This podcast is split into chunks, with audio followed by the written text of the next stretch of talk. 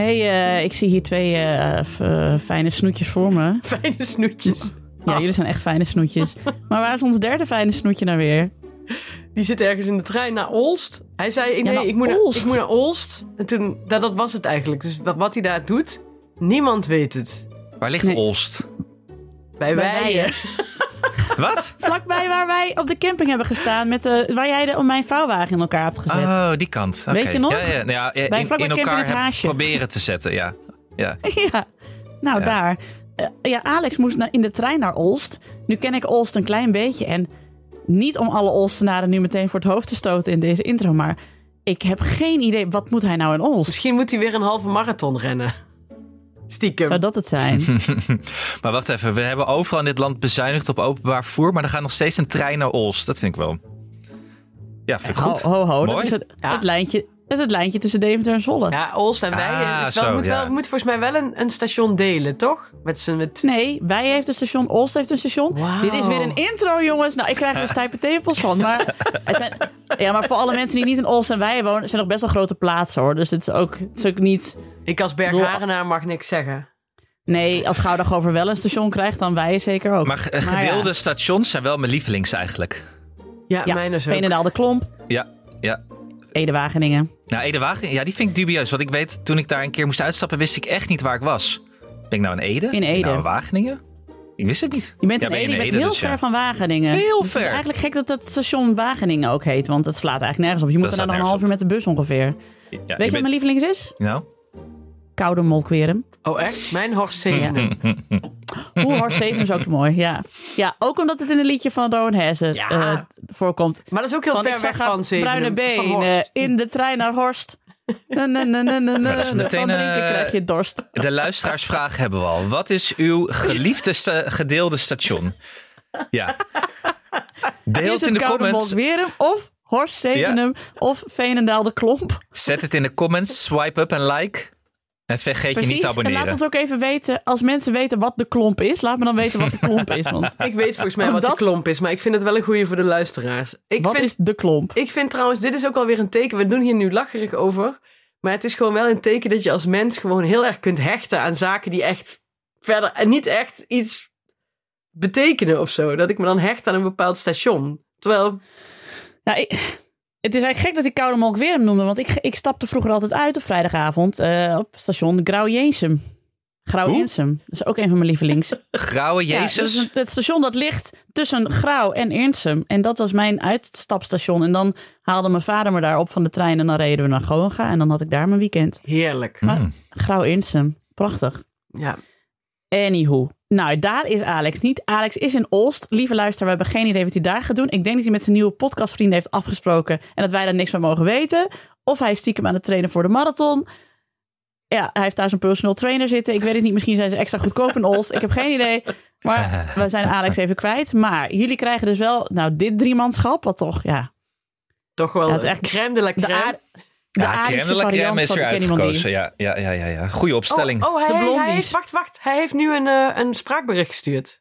Oh, echt? Oh, Wacht. eh, Nou, komen we er eindelijk achter.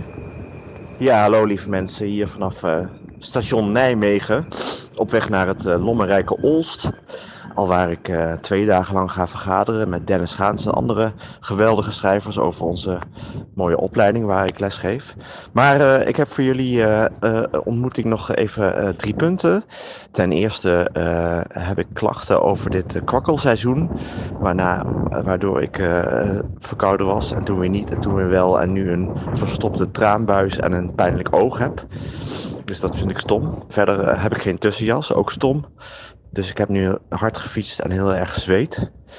En ehm, hoogtepuntje vandaag was de HPV-prik voor eh, René. En eh, mijn blijdschap dat dit, toch, dat dit toch allemaal kan tegenwoordig, mensen. Hè, hoe fijn is dit?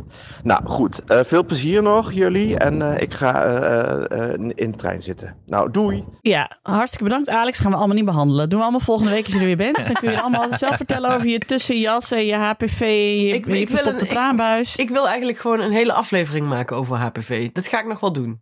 ik Ja, over de tussenjas. Dus dan hebben we nog wat op de agenda staan. op de, op de agenda staan. Ja. Voor nu hebben wij belangrijkere zaken te bespreken, Alex, en niet jouw Seinfeldiaanse futiliteiten.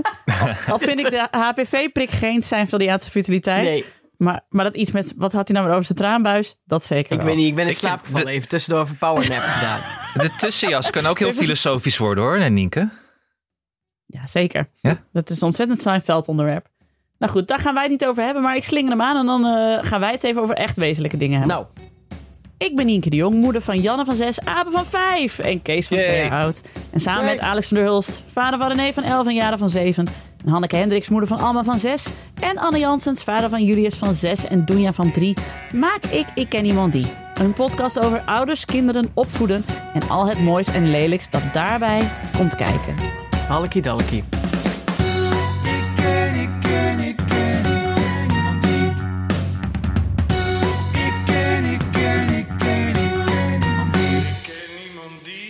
Zal ik nog, mag ik nog één klein vrolijk dingetje vertellen voordat we aan het serieuze gaan beginnen? Ja, Mhm.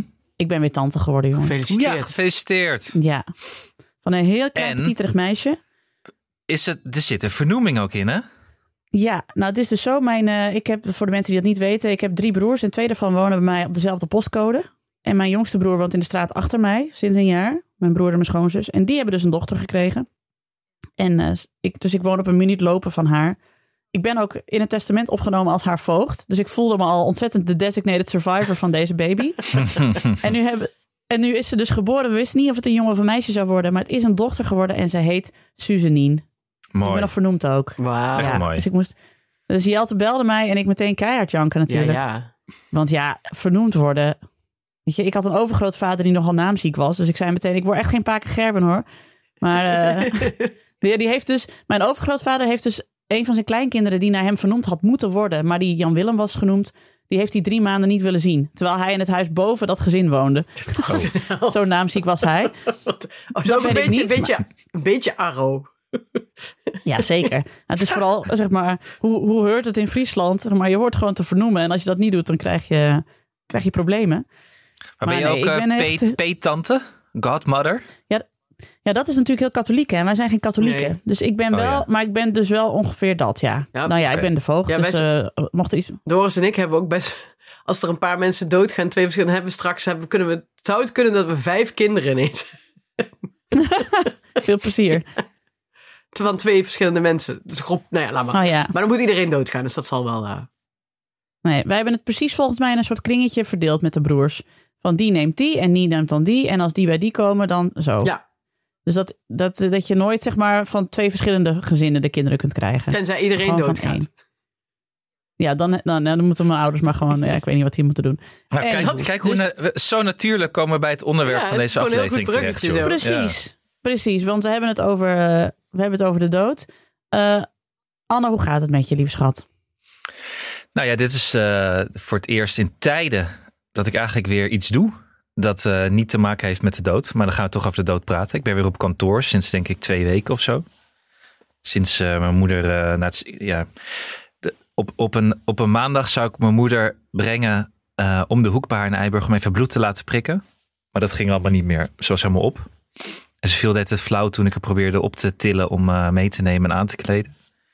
Toen hebben we een uurtje muziek geluisterd in haar stoel om even bij te komen. En toen zijn we naar het ziekenhuis eh, gereden en niet meer terug. Jeetje. Oh, jongen. Ja. En, Maar je moeder eh, was al lang ziek, hè, Anne? Ze had al drie jaar kanker. En dat ging, eh, ja, dat ging met diepe dalen en enigszins weer opkrabbelen. Hm. Maar ja, dat, is, eh, dat is niet, het was niet meer vol te houden. En eh, ze stug volgehouden op het laatst. Dat ze dat bleef wandelen en bleef auto rijden. Op mijn neefje bleef passen. Tot het gewoon eh, echt niet meer ging. En dat was op, een, eh, op de laatste winterdag is ze overleden. En mijn moeder is een lentekind. Ze is bijna jarig. Ze is bijna 75 geworden. Hm. Jo. En dan eh, moet je die begrafenis plannen. En eh, dat is zo, oh jezus, dat is dus, dat is dus een, een, een huwelijk plannen in drie dagen. Dat is verschrikkelijk. Maar we Je krijgt ook allemaal maar heel korte tijd voor al die keuzes, hè? Je wordt ineens opgedrongen om te bepalen hoeveel sausijzenbroodjes je wil. En ik zei, ja, doe er maar 25. Toen zei die man, nee, dat is niet goed. Ik zei, ja, regel het zelf dan, uitvaartondernemer, meneer. Als jij het zo goed weet. Ja. Ja. Kies zelf Als, jij dan. vijf- ja. als je al van tevoren weet dat ik 75 sausijzenbroodjes moet bestellen, zeg dat dan. Ja, dat is ook heel irritant. Dan doen ze een beetje zo, nou raad jij maar hoeveel ongeveer. Oh, fout. Ja, ja, is fout. Fout antwoord met je 25 sausijzenbroodjes.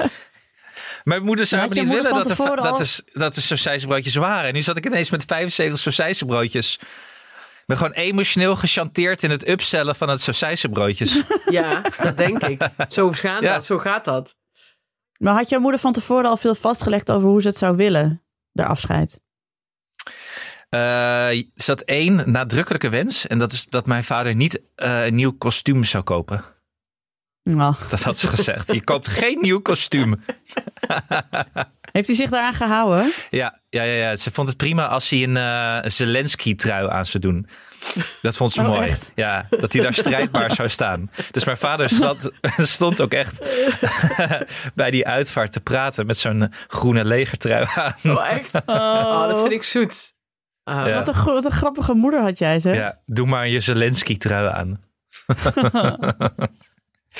Ja, en eh, er zat een andere laatste wens was om, dat was ook heel mooi. En eh, haar, eh, haar beste vriendin en was onze buurvrouw altijd.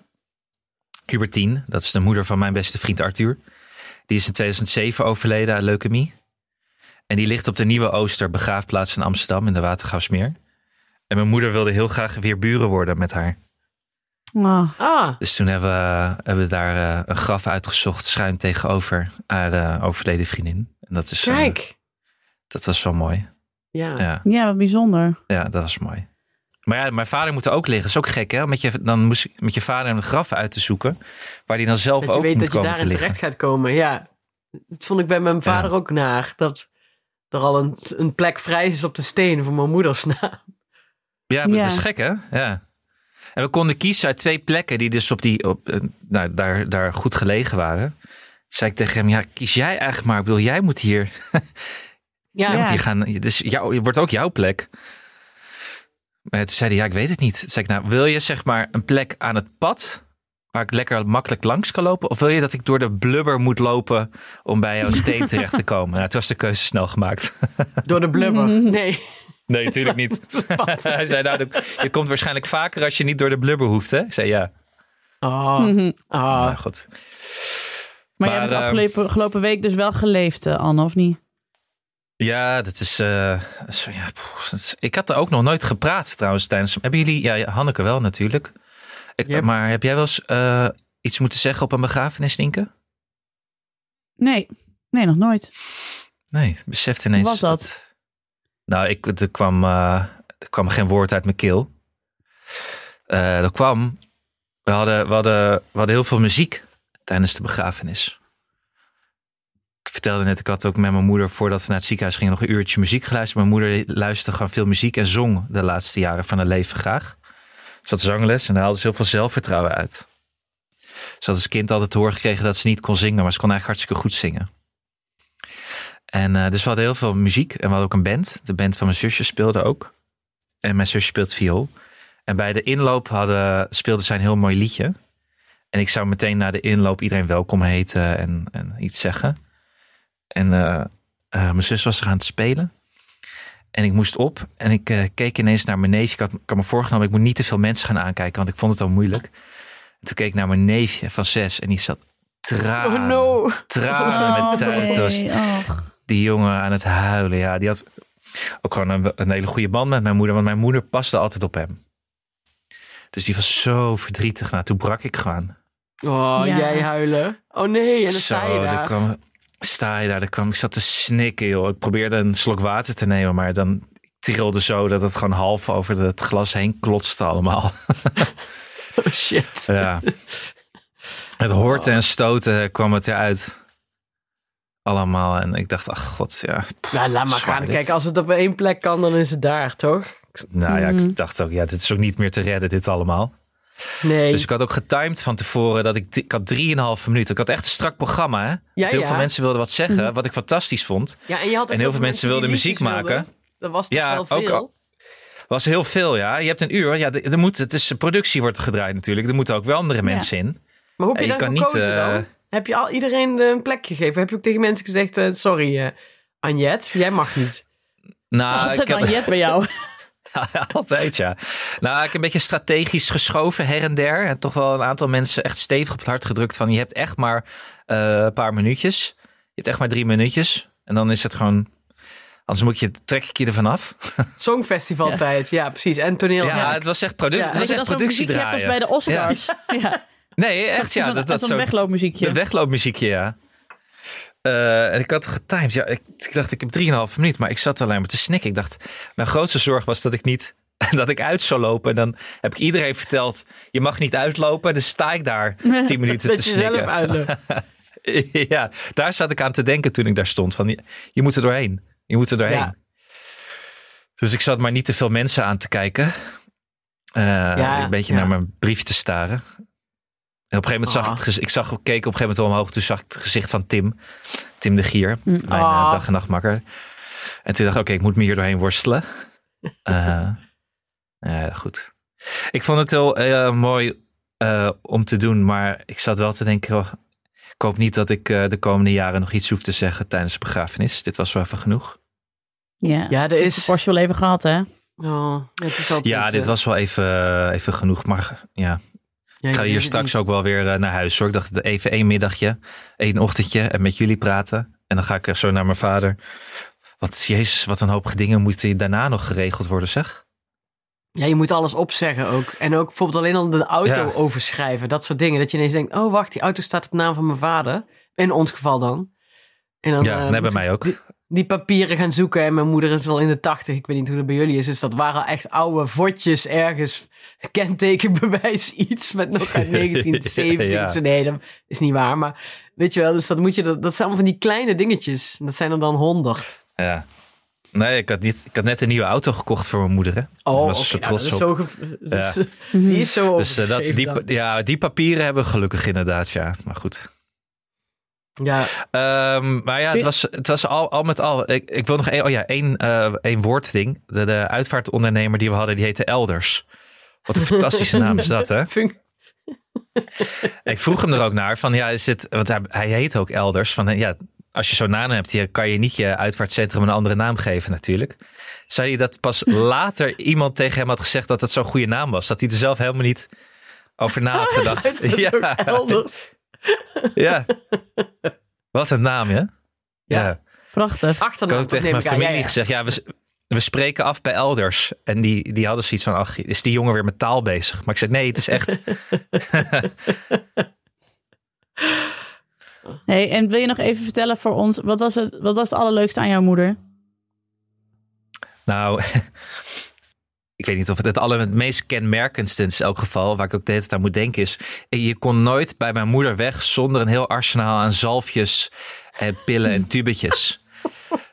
Mijn moeder wilde altijd weten wat er ergens eh, speelde. Of had ik ergens last van. Dus ik heb een beetje, een beetje last van mijn knie.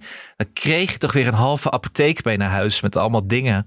En dan eh, belde ze op en dan vroeg ze of ik wel had gesmeerd en zo. En dan kwam ze bij me thuis, zag ze een tube liggen die ze dan een maand geleden had gegeven. En dan kreeg ik zo'n hoofd schuddend van, je hebt niet gesmeerd. En nee, ik heb niet gesmeerd. Tot op het punt dat ik ook niet meer durfde te vertellen dat ik ergens last van had. Dus dan zat ik te hinkelen of zo, omdat ik had getennist. En ze zei, je hebt last? Nee, nee, nee, gaat wel. Of gewoon een beetje gek uit de auto gestapt. Want ik wist gewoon dat ik anders weer, dat ik anders weer een recept meekreeg voor weet ik wel wat. Oh. Maar eh, ja, dat ga ik wel missen. Dan hoe moet ik nou met tubetjes komen? Ah. Nou, precies. ah, maar dat is wel... Je hebt gewoon een moedertje nodig die dat ja, maar dan doet. kun je Ja, later ook een, ook een teken krijgen. Die oma van eh, Doris, dat zeg maar zo'n van die familie die met heel veel zijn en die elk jaar nog bij elkaar kwamen. Die oma was een beetje zo dat speel, die speel van die, al die dingen. En als je daar was, kon je ook niet weg zonder dat ze zei: Oh, wacht, wacht. En dan dook ze zo'n voorraadkast in en dan kreeg je een potje jam. Of een pak met koekjes dat ze afstofte en dat kreeg je dan mee.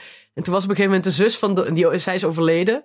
Het was op een gegeven moment de zus van Doris bij haar nu partner, wa- waarvan ze eh, eh, een baby in de buik heeft. En dan was ze voor het eerst daar en toen wilde ze gaan en toen zei Teun, wacht, wacht. En toen dook hij de voorraadkast in. Toen haalde hij dat twee potjes jam uit en die blies die zo af. En die gaf ze aan haar en toen zei ze, ik moest zo huilen. En hij begreep helemaal niet wat Ja. er met mij aan de hand was. Hij zat, zij zat Ja, ja, omdat dat zo was zo'n teken van boven. Weet je wel? Dat, dat die oma zei, nou hier, weet je wel, dit is hem. Ja. Deze moet je Ja. hebben. Deze jongen met die jampotjes. Dus dit soort Dat dingen, ja, dat ga je nou misschien ooit nog... eh, Ah, dat is super mooi van je moeder. Dat zijn de leuke dingen, vind ik altijd. Die gekkigheden die iemand heeft. Ja. Ja. Ja. Ah, top. En Eh, die andere- gekkigheden waar oh. je... Hm? En die gekkigheden waar je dan misschien bij leven dan ook nog een beetje aan stoorde van... Ja, Oh, jemig, laat me nou met rust met mijn Arnie Floor. Zeker. Maar dat zijn de dingen die je nu het allermeest gaat missen. Dat is toch ook idioot eigenlijk, hè? Ja, het waren ook vaak van die, eh, van die grote Duitse tubes. die dan nog net niet door een of andere test waren heen gekomen, zeg maar. Maar die wel echt heel goed werkten. Ja, ja, ja. ja, nog in afwachting van een soort officieel keurmerk. Maar eh die moet je wel Mhm. nemen. Hm. Nou, Nee, maar dat was, we zijn eh, blij dat je hier weer bent, jongen. Maar Ja, Ja. ik moet nog, nog één ding. Dat was ook weer wonderlijk. Ehm, eh, de, de- mijn zusje speelt dus in een band, Last Night in Town. En die, eh, die speelde echt fantastisch. Het is, en ik, had mijn, ik had aan mijn zus gevraagd, want dat vind ik altijd heel mooi. Om ook tijdens, ehm, eh, hoe heet het, bij het graf nog iets te spelen. Want ik vind dat altijd zo'n onbestemd moment. Als je met heel veel mensen bij het graf staat. En dat je weet nooit precies wat je dan met elkaar gaat doen. Nee. Je, je Nee. kan nog wat zand erop doen of een bloem leggen en zo. Maar dan is het altijd wachten van wie gaat er als eerste terug naar de koffie lopen. Ja, En ik vind, ik, ik vind het altijd heel mooi als er dan nog iemand iets zegt of als er muziek is. Dus als iemand iets zingt ineens. Ja. Zeker buiten kan dat zo prachtig zijn. En dat, eh, dat, dat deed dus eh, die band, dat deed die zangeres, Suus heet ze. Die deed het fantastisch. En later in de, in de aula, of hoe heet dat, die, die zaal waar je dan koffie en sociaalspreekjes krijgt, kwam ze nog naar me toe en ik, ik ging haar bedanken. Eh, en toen zei ze, ja, tijdens die dienst viel ineens het kwartje. Jij bent Anne van Ik en Iemand Die. Dat luister ik al jaren. Dat vind ik echt heel grappig. ja. zelfs de begrafenis van je moeder. Ja. Wonderlijk. Oh, te gek. Je bent ook nergens veilig voor ik ben deze nergens podcast. meer veilig tegen. Nee. Nee. Als Nou, dus, Suus, eh, leuk dat je luistert, Suus. Dus Suus, als je luistert, dankjewel. Het was echt fantastisch en prachtig. En ik zal het altijd, eh, altijd onthouden. Ja. Nou, lief. Nou, Lief. ja, joh, de leven, de leven. Ja, Tja. maar brengt ons bij ons... want we hadden het hier zo al brainstormend over. Van waar moeten we het dan nu nog over hebben? Hè? Ik bedoel, het is ook... eh, ja, het, is, het beheerst ook... Het beheerst jouw week, maar het beheerst ook onze week, eh, lieve Anne. Eh, met al jouw... niet alleen de vragen dat jij ons vroeg hoeveel broodjes je moest inslaan of hoeveel, voor hoeveel mensen je koffie moest hoe duur regelen. die koffie En is. ons Jesus alle Christ. prijslijsten van de Nieuwe Ooster ging doorappen. Wat ik wel erg op haar eh, echt heb gewaardeerd. Maar, Dat was even schrikken, toch, die Eh, prijslijst? nou, zeker. Nou. ja, maar ja, ja, ik weet het nog van die bruiloft. eh, dat je denkt van, jemig, serieus? Kost dit allemaal zoveel? Ja, dat is wel zo. Mensen verdienen goed aan ellende en geluk. Die etagère eh, van 60 euro, die heb ik even laten, links laten liggen hoor, uiteindelijk. Oh, jeetje. Ja, maar dat is toch altijd dat je denkt van... ja, maar als ik doodga, dan wil ik daarna eh, borreltafels en eh bitterballen. En dan zie je die prijs uit denk je... No. Ja, dan moet je, gewoon, eh, dan moet je gewoon de plaatselijke café bellen. Dan is het veel goedkoper. ja, Is zo. Maar goed, voor Ja, je moeder hij- is dat misschien niet zo. Ja, precies. Nee, daar is alles duur.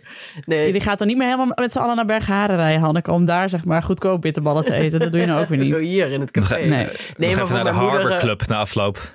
Maar voor ouders is Oh, het ja. ook... An, tenminste, mijn, mijn ouders zijn van een generatie... die willen ook niet naar een naburig café hoeven rijden. Die willen gewoon daar iets eten en drinken. Ja, Ja joh, het zijn allemaal Ja. ook eh, Precies. zoveel mensen die je ook al twintig jaar niet hebt gezien. Van, van die vrienden en, en kennis van vroeger, die ook al zo oud zijn geworden allemaal. Ja. En die, Mhm. ik, ik reed weg en toen zag ik ze allemaal staan bij de tramhalte om de hoek. Toen dacht ik, oh god, wat arme mensen allemaal. Ja, ja. ja op een dag, Het liefst dat ze op een zijn dag gekomen, zijn wij, maar zulke oudjes. op een dag zijn wij ook oudjes, hè? Als, als wij, eh, als de podcast Ik kende iemand die volgens mij heet. Volgende. Ken ik die? Ik heb ooit iemand gekend, maar ik weet het niet. Ken ik Ken ik die? Ja. ik was iemand die... Ooit die. Oh ja. Ja, maar hey, en hoe eh, hebben Julius en Doenja deze dagen eh, meegemaakt? Ehm, nou, Dunja die heeft tegen iedereen die we maar tegenkwamen, eh, die we kenden of niet kenden in de supermarkt, op straat geroepen. Mijn, o mijn oma is overleden en dood. Oh, ik neem het als cliché. ja. Ja, dat vond ik, eh, typ- ja, vond ik wel, eh, was waar natuurlijk. Die is heel erg mee bezig in de hoofd, maar weet nog niet zo goed waar ze dan aan moet over hebben. Dus die zegt het gewoon tegen iedereen. En dan Mhm. zegt ze na, Freddy is ook dood. Dat was onze kat die vorig jaar Ja. is overleden. Oh ja.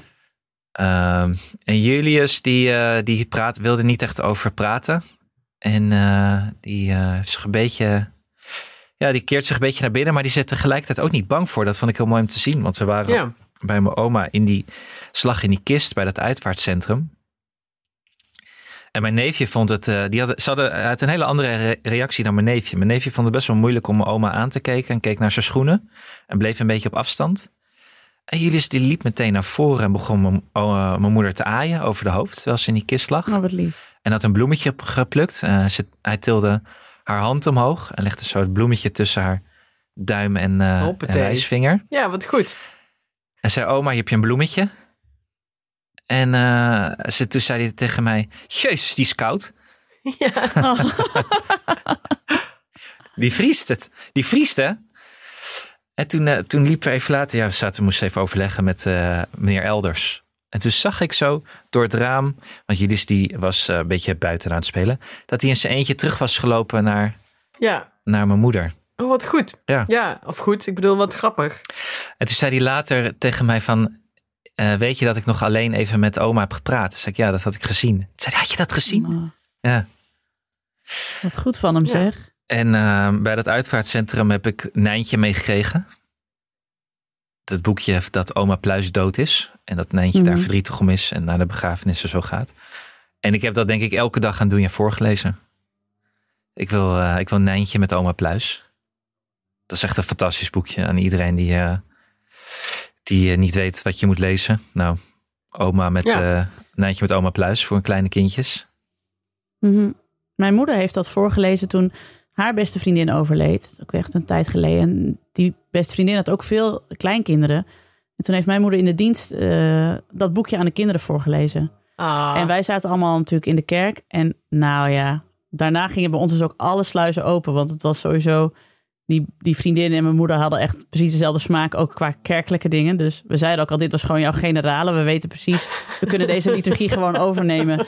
Want dit wil jij ook allemaal. Maar dat je eigen moeder daar dan ziet zitten, zeg maar. Mijn moeder was zo verdrietig en die perste dat hele Nijntje boekje er nog uit. Maar die, voor die kinderen is dat gewoon iets heel fijn. Het is een soort anker Ja, dat je eindelijk in je eigen taal uitgelegd krijgt wat er aan de hand is of zo. Ja. Dat werkt zo goed. Nee, dat werkte heel erg goed. Ja. Ik was een beetje bang, want ik heb wel eens met jullie gesprekken gehad over de dood. En eh, hij, hij, hij was daar heel bang voor toen. En toen heb ik in een moment van paniek gezegd dat als hij, eh, als hij heel oud is, dat er waarschijnlijk wel een pil is zodat hij niet doodgaat. Dat was fout. Want sindsdien vraagt hij, sindsdien vraagt hij elke keer of die pil al klaar is. Oh no. Dat heb ik ook. eh, Mia, eh, Mia kwam er van de week nog. die, ging, die kwam naar me toe en die zei. Weet jij iets over een pil waardoor Julius blijft leven? Zeg, ja, dat is een fout geweest. Het is een moment van zwakte van mij, omdat hij niet wilde slapen, omdat hij aan het huilen was over de dood. Oh, ja. Eh, maar ik vind met hem wel moeilijke gesprekken over de dood, moet ik zeggen. Want hij raakt, hij, hij, eh, hij, hij zit, hij kan er een beetje erin vastraken daardoor dat hij, ja, dat hij in paniek raakt.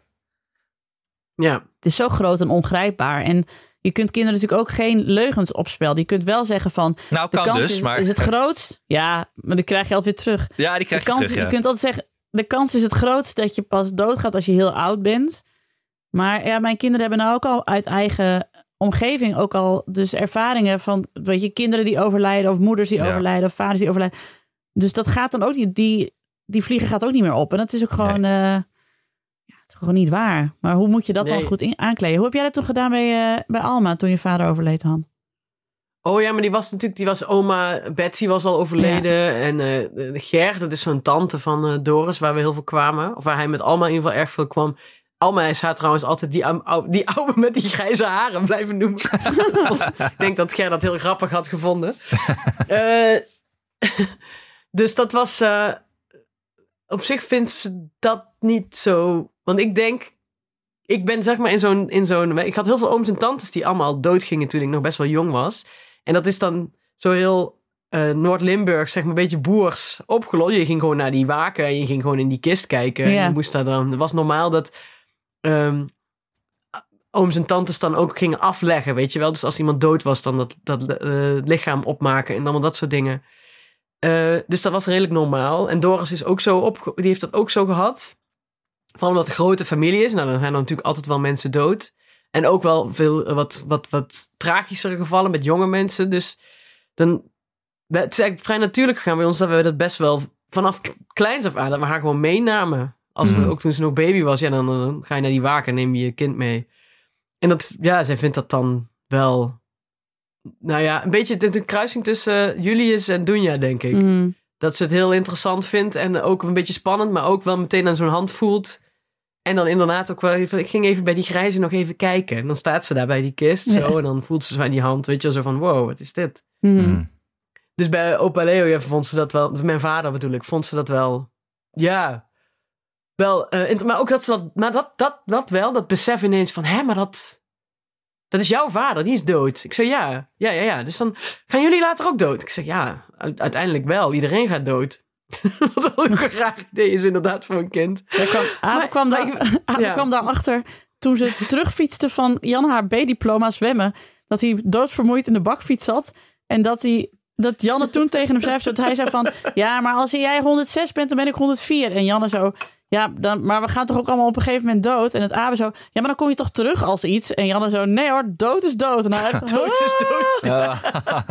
maar ga ik dan dood? En, had hij, en wat hij toch het ergste vond, zei hij, ja maar, ja, maar als jullie dan al dood zijn en Janne is dood en ik ga dood, dan is Kees helemaal alleen. En Ja. Hanneke zo, Hanneke, Janne zo, ja, maar dan is Kees misschien al wel 98 of zo. Dan redt hij zich heus wel. Nee, dat kon echt niet. Nee, nee, dat is... Alma zei toen ook echt van... Maar dan gaan jullie... Ik, toen heb ik ook inderdaad... Zei ze, zei, ik- zeg... Meestal... De meeste mensen gaan dood, pas dood als ze oud zijn. Meestal gaan mensen pas dood als ze Ja. oud zijn. Ik zeg dus ja, maar jij verder kun je er niks over zeggen hoe het gaat. Nee, dan zeggen ze, ja, maar Paak is ook al oud en die is nog steeds niet dood, hè? Ik zo, nee, nou, koester het. Vredesnaam. Sorry, maar oma Nel leeft toch ook nog steeds? ja. maar opa Leo is wel al dood. Ik zeg, ja, maar die was ook al oud. En trouwens, mijn vader was ook niet de grootste vreugdevolle man van de wereld. Dus die was ook wel klaar op zijn, zijn tachtigste. Dacht ik, Mm. nou, het is wel goed. Maar, ehm, eh, maar ik vind dat ook altijd wel interessante gesprekken. Want op een gegeven moment reden we over de A73. En daar ligt de begraafplaats. Zeg maar in Venray heb je zo'n begraafplaats. Daar ligt mijn vader begraven. En toen zei, toen zei Doris, ja, kijk, daar ligt opa Leo eh, daar achter die bomen. En toen zei Alma, was het even stil, toen zei ze... Is opa Leo nou een skelet? Oh ja. ik zo, Doris zo, ja, ik denk het eigenlijk wel. Dan zegt ze, oh, oh, ja, dat is het dan. Ja. Dus het is ook wel iets niet leuks, maar wel iets wat er ook wel weer bij hoort. En ik dat moest, vind ik eh, eigenlijk ook ik moest wel. ook wel lachen om Dunja, want eh, Mia probeerde ook met haar te praten erover. En die vertelde dat ze verdrietig was dat ze nu oma ook niet meer kon bellen. Dan zei Dunja, Ja, precies. hè, dan bel je opa toch? Het zijn ook dezelfde Die soort mensen. Ja, precies. Ja, die gaat er wat praktischer, wat praktischer mee om. Mhm. Maar mijn neefje was wel echt, eh, die, ja, dat vond ik wel, die ging er echt dus op een andere manier mee om. Die had echt heel veel verdriet. En waar, Ja. waar Julius wat stoïcijnser naar keek, volgens mij. Ja, Of, eh, dat is bij kinderen natuurlijk helemaal hoe vaak ze iemand zien. Dat, er, ja. ja. ja, dat dat wel te maken heeft met hoe verdrietig ze erover zijn. En toen zat ik ook aan te denken, ik ben, ik ben volgens mij als kind helemaal niet bij een begrafenis geweest. Tenminste, ik kom, ja, ik ik kom mensen die helemaal dat, die niet... dat eh, niet doen. Of, of uit, uit principe niet. Of ik bedoel dat je ouders dachten, hij is nog te klein. ik, Of gewoon omdat er toen iemand doodging. nou, ik, ik, ik, ik ga dat zo aan mijn vader vragen. Ik weet het niet dus. Hm. Maar ik heb helemaal geen herinnering van een begraafplaats dat ik daar was. Of dat... Nee, heb ik, helemaal- ik heb helemaal geen herinnering aan, eh, aan de dood als kind. Maar ik ken ook mensen die hun kinderen niet meenemen naar dat soort dingen. Ja. Omdat, ze dat dan, omdat die kinderen dan van streek raken. Ja, ik vind dat moeilijk om in te schatten, omdat ik... eh, ik ben ook zo opgevoed met de dood hoort bij het leven. En toen, mijn, toen ik vijf was, overleed mijn paken. En eh, daar zijn we ook gewoon dat we naar de aula gingen. En dat we bij hem mochten kijken. En dat alle vragen mochten stellen en zo. Ehm, ik ben toen niet naar die begrafenis geweest, omdat mijn nichtje, die was een jaar ouder. En die ging niet. En toen vonden ze achter van, ja, maar dan kunnen we Nienke ook niet meenemen. Terwijl ik had het prima wel volgehouden waarschijnlijk. Maar ik vind dus wel die manier waarop mijn ouders ermee om zijn gegaan. Van dat hele van het hoort erbij. En het is niet eng en ga maar kijken en stel maar vragen. Dat vind ik een hele goeie. Want daardoor heb ik nooit daar heel veel angst voor gehad of zo. Het was nooit iets vies of geks of engs Nee. of zo. Helemaal niet. Maar had jij je kinderen in diezelfde situatie wel meegenomen, denk je? Ja, ik denk dat ik die Kees niet, maar dan de oudste twee zou ik, als er nu een opa en oma zou overlijden, zou ik ze zeker meenemen. Ook omdat het gewoon wel kinderen zijn die dat wel aankunnen, die dan niet in, in het gangpad gaan zitten janken, of ja, janken mag prima, maar gaan zitten schreeuwen of zo. Of, eh, Nee. Ja. Laatst met mijn ouders hebben we dat hele, hebben een heel plan doorgenomen. We hebben en ze hebben hun testament opgesteld. En ze hebben bij de huisarts laten weten wat ze willen en zo. Weet je, wij zeiden van regel dat nu, nu jullie allemaal nog eh, gezond en oké zijn. Dan ja. A, scheelt het ons goed. heel veel werk als jullie zijn overleden. Maar we weten precies wat jullie willen. Ja. En eh, toen vroegen we dus ook van willen jullie de kleinkinderen ook bij de begrafenis? Ja, ja, dat, eh, dus eh, dat wilden ze zeker. Nou ja, en dan, ik denk dat we, we hebben dan afgesproken dat wij dan ook, hangt vanaf natuurlijk hoe, wanneer ze overlijden. Eh, maar als ze nog zo klein zijn, dat we dan ook zoiets doen als Nijntje, zoals mijn moeder bij, eh, Ja. destijds bij Annie heeft gedaan. Ja. Ja, ik was best wel uitgesproken ook dat ik vond dat eh, Julius en Dunja nog oma ook prima konden zien in het ziekenhuis op het laatst. En ehm, toen we daar net waren, hebben we dat ook gedaan. Maar toen die laatste dag, toen we afscheid gingen nemen, toen heb ik ze wel meegenomen. Maar toen heb ik ze uiteindelijk niet nog naar, oom- naar oma gebracht. Want ik dacht, dit is niet het beeld wat ik wil dat ze onthouden. Mm. Toen zag ze er al zo, ze zag er niet meer uit als hun oma, zeg maar. Ja. Ah ja. Ja. Eh, dat- dit, dit vind ik niet fijn. Dat, daar heb ik toen even Nee. gedacht van, oh shit, ik heb hier nu, ik heb dit niet goed gedaan. Dit- Nu doe ik dit even niet meer. Bij de begrafenis vind ik het echt prima. Bij de kist vond ik het belangrijk dat ze nog even zouden zien, zeg maar. Ja. Maar het ziekenhuis dacht ik, oh nee, dit moet niet. Dit is niet goed. Nee. Dat wil ik niet. Volgens mij moet je ook op je gevoel afgaan hierin. Ja. Ja. Zeker. Maar qua idee wilde ik het eigenlijk dus wel. Maar toen ik mijn moeder zag, dacht ik, oh nee, nee. Dit, dit, dit, dit- Ja, precies. Maar dat is net zoals met opvoeden. In theorie heb je van Ja. tevoren allemaal plannen over hoe je het Ja. gaat doen. Maar als je in de situatie verzeld raakt, denk je... Oh, wacht, nee, dit is het volgens mij niet. nee. Dan moet je gewoon op je intuïtie varen, inderdaad. Ja. Ook jij, Anne, moet op je intuïtie varen. Ik dus. Zeker. Ik zat lekker te varen hoor. Ja, heel goed. Goed gevaren. Heel goed. Gewoon 50 sausijzen broodjes meer besteld. Hatseflat. Ja, alsof het niks is. Gewoon 3 euro per stuk of zo. Ja, qua sausijzenbroodjes is mijn adagium beter mee verlegen dan omverlegen, hè? Nou. Niet op me knibbelen. Ik weet nog dat mijn, dat vond ik ook een hele goede leeftijd. Die heb ik ook altijd meegenomen. Dat mijn, toen mijn paak was overleden en ik was dus vijf. Die was, hij was ook heel lang ziek. En eh, eh, ik weet nog dat de dag dat hij overleed, toen eh, ehm, eh, liep mijn moeder 's ochtends het, de oprit op. Ik zag haar thuiskomen. En toen glimlachte ze naar me. En toen kwam ze binnen en toen vertelde ze aan ons, eh, dan ga je weer zitten. Paak is overleden. En dat ik toen tegen haar, heb ik dus blijkbaar tegen haar gezegd, ja, maar waarom kijk je dan nu zo vrolijk? En toen heeft mijn moeder meteen uitgelegd van, ja, maar soms zijn mensen zo ziek dat dan de dood ook een soort opluchting is, omdat iemand dan geen pijn meer heeft, omdat hij zo lang ziek is geweest. En ik vond het zo goed dat ze dat meteen aan ons uitlegde. Ja. Want dat was ook, daar heb ik mijn leven lang, zeg maar, dit is ook een van de eerste herinneringen die ik heb. En dat heb ik altijd onthouden van, dat, is, dat heeft de, de dood ook een soort van genormaliseerd. Van, het is heel verdrietig en je mag iemand helemaal heel erg missen. Maar voor Paken was het op dat moment beter dat hij overleed. Want dit was ook geen leven meer. En dat je dat op Ja. vijfjarige leeftijd al weet, is gewoon best wel waardevol of zo. Ja. zeker. Ja. Nee, zeker. Het was hetzelfde met mijn moeder. Die was ook natuurlijk zo ziek. En dat zagen die kinderen ook wel. Want daar hadden we het ook heel vaak over. Oma is heel Ja. ziek. Oma, oma Mm. kan even niet komen. Of dan zou ze komen, maar dan ging het niet. Dus die wisten dat ook wel. En dat zeiden ze, Julius zei dat ook de hele tijd. Als hij tegen iemand moet zeggen dat oma is overleden. zei hij ook, oma is overleden. Ze was ziek. Dat ging in één adem eh, samen.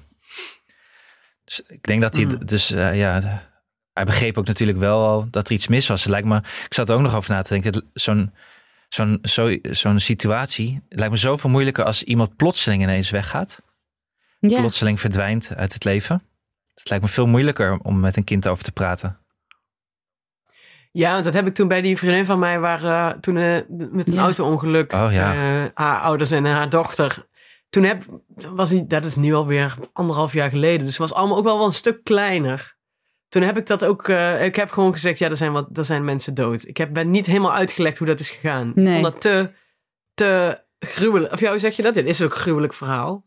Ja, want anders En, eh, krijgt ze, wordt zij weer bang als ze de auto instapt. Dat wil je dan ook weer niet. Dat ze denkt van, oh, Nee, zij precies. zijn doodgaan in een auto en dat kan mij dus ook overkomen.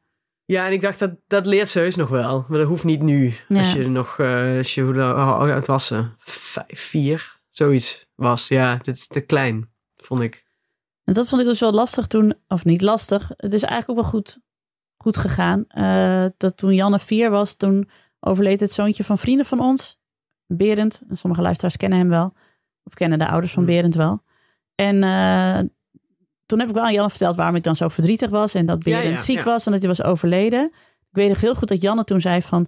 Maar is hij, eh, zat ze achter op de fiets, zei hij... Maar is Berend nou dood of is hij dood dood? En ik zo, wat is het verschil tussen dood en dood dood? Nou, en dan was volgens Janne dan, als je dood was, dan was je nog gewoon... lag je in je kistje gewoon thuis. En als je dood dood was, was je onder de grond. Dat zo, Oh, wauw. ik zo, nou, Nice. ja, oké. Ja, dat was vond ik heel wonderlijk dat ze daar erg mee bezig was. En wat ik dus het hele wonderlijke vind, is dat zij, zij heeft Berend bij leven één keer gezien. Hè? Het is niet, wij kwamen niet zoveel bij elkaar over de vloer. Ehm, maar zij hebben het nu, en hij is nu 2,5 jaar eh, overleden. Ze hebben het nog steeds best wel vaak over hem. En nu ook weer, maart is altijd de maand dat Berend ziek werd. En alsof ze het aanvoelen, gaat het de laatste tijd weer heel vaak over Berend. En Ja. dat Janne zegt, ja, Tijn uit Abes klas lijkt echt, die lijkt op die jongen die toen is overleden. Ik zou Berend, ja, op Berend. Dus het is wonderlijk hoe die kinderen dat dan inprenten of zo. En dat hij zo nu en dan nog voorbij komt fladderen, vind ik iets heel troostrijks. Op hoeveel normale manier zij daarmee om kunnen gaan of zo. Ja, is ook. Is Ja. er nog steeds.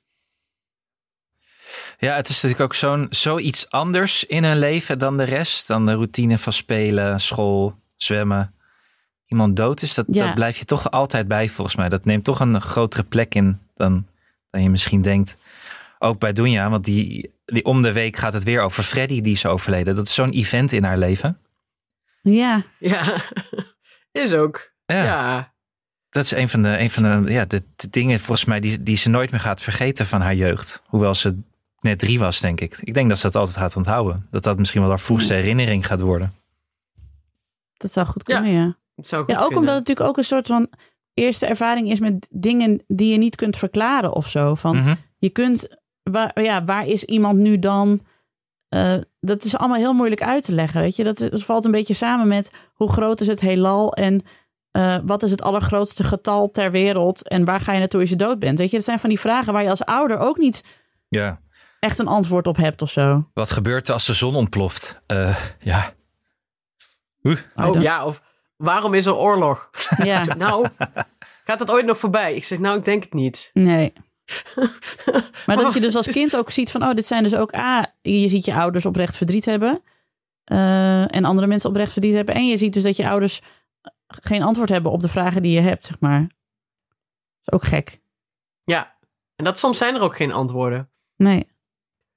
Maar Ja, ik vind het ook wel ingewikkeld als ze dan zeggen, ja, dan ben je een sterretje in de hemel. Dat laat ik dan altijd maar zo, terwijl ik dan neiging heb om te denken, ja... Nou ja, ik weet niet of dat Ja. zo... Nee. maar, maar goed, ze mogen natuurlijk zelf ook gewoon eh, bedenken hoe het zit. Ja, maar ja, dat was natuurlijk handig aan vroeger tijden toen we allemaal nog geloofden en gewoon konden zeggen in de hemel. Een soort van vergaarbak voor alle vragen waar je geen antwoord op had, was dan, dan stond er in de Ja, Bijbel al een uitleg over. Maar ja, goed. We hebben al dat geloof afgezworen en nou zitten we zelf met al die vragen. Verdorie, het stond zelf wel moeilijk denk- gemaakt hoor. Deze aflevering was echt niet nodig geweest. is, als ja. we allemaal nog eh, keurig hadden geloofd in het hiernamaals. Ja, Klopt. jeetje, ja. Ja, nou ja, helaas. Het is, niet, ja. het is niet anders. Het is niet anders. Ja. Nee. Nee. Maar ehm, Hey Anne, ik ben, ja, ik ben blij dat je, er, dat je weer even bij ons eh, eh, was. Ja, Ehm, ja, hou ons ook de komende tijd een beetje op de hoogte van eh, niet alleen hoe het met jou gaat, want dat vragen we natuurlijk ook, hè? Dat snap je. Maar ook hoe het met de Ja, want- kindjes gaat en zo. En met je vader. Hoe heette je moeder eigenlijk? Hedda. Hedda. Hedda, goede naam. Ja, Hedda is Maria Post. Kijk. Mooie naam. Ik kreeg Oh, nog is een Doe heel... jij naar haar ook eh, vernoemd? wat zei je? Doe jij, doe jij Maria toch? Ja, mijn zus heet Maria, hè? Als eerste naam. Hm. Ja. Oh, Alma heet ook Alma Maria. Ja. Ik heet Anna Maria eigenlijk. Dus eigenlijk Jullie zijn allemaal veel christelijker groot- dan jullie allemaal denken. vernoemd. Ja, precies. Allemaal vernoemd. Ik kreeg nog een heel lief berichtje van eh, onze vriendin van de show, Neeltje Huurne. Die eh, spelt de overlijdensadvertenties in de krant ook. Ah Maar- ja. ja, dat is zo lief. Dus die had het Oh ja. gezien. Ja. Waar stond de advertentie? Want daar hebben we het eerder wel over gehad. Waar je, als je zelf, waar je zelf in. Maar waar stond de welke Eh, krant? Dat moest je ook kiezen Ja, natuurlijk. Volkskrant en de Trouw. Oké, oké. Ja. oké. Ja, ja, ja. Volkskrant is meer mijn vader en de Trouw is mijn moeder. Ja. Oh, is dat bij jullie ook zo? Dat was bij ons ook zo.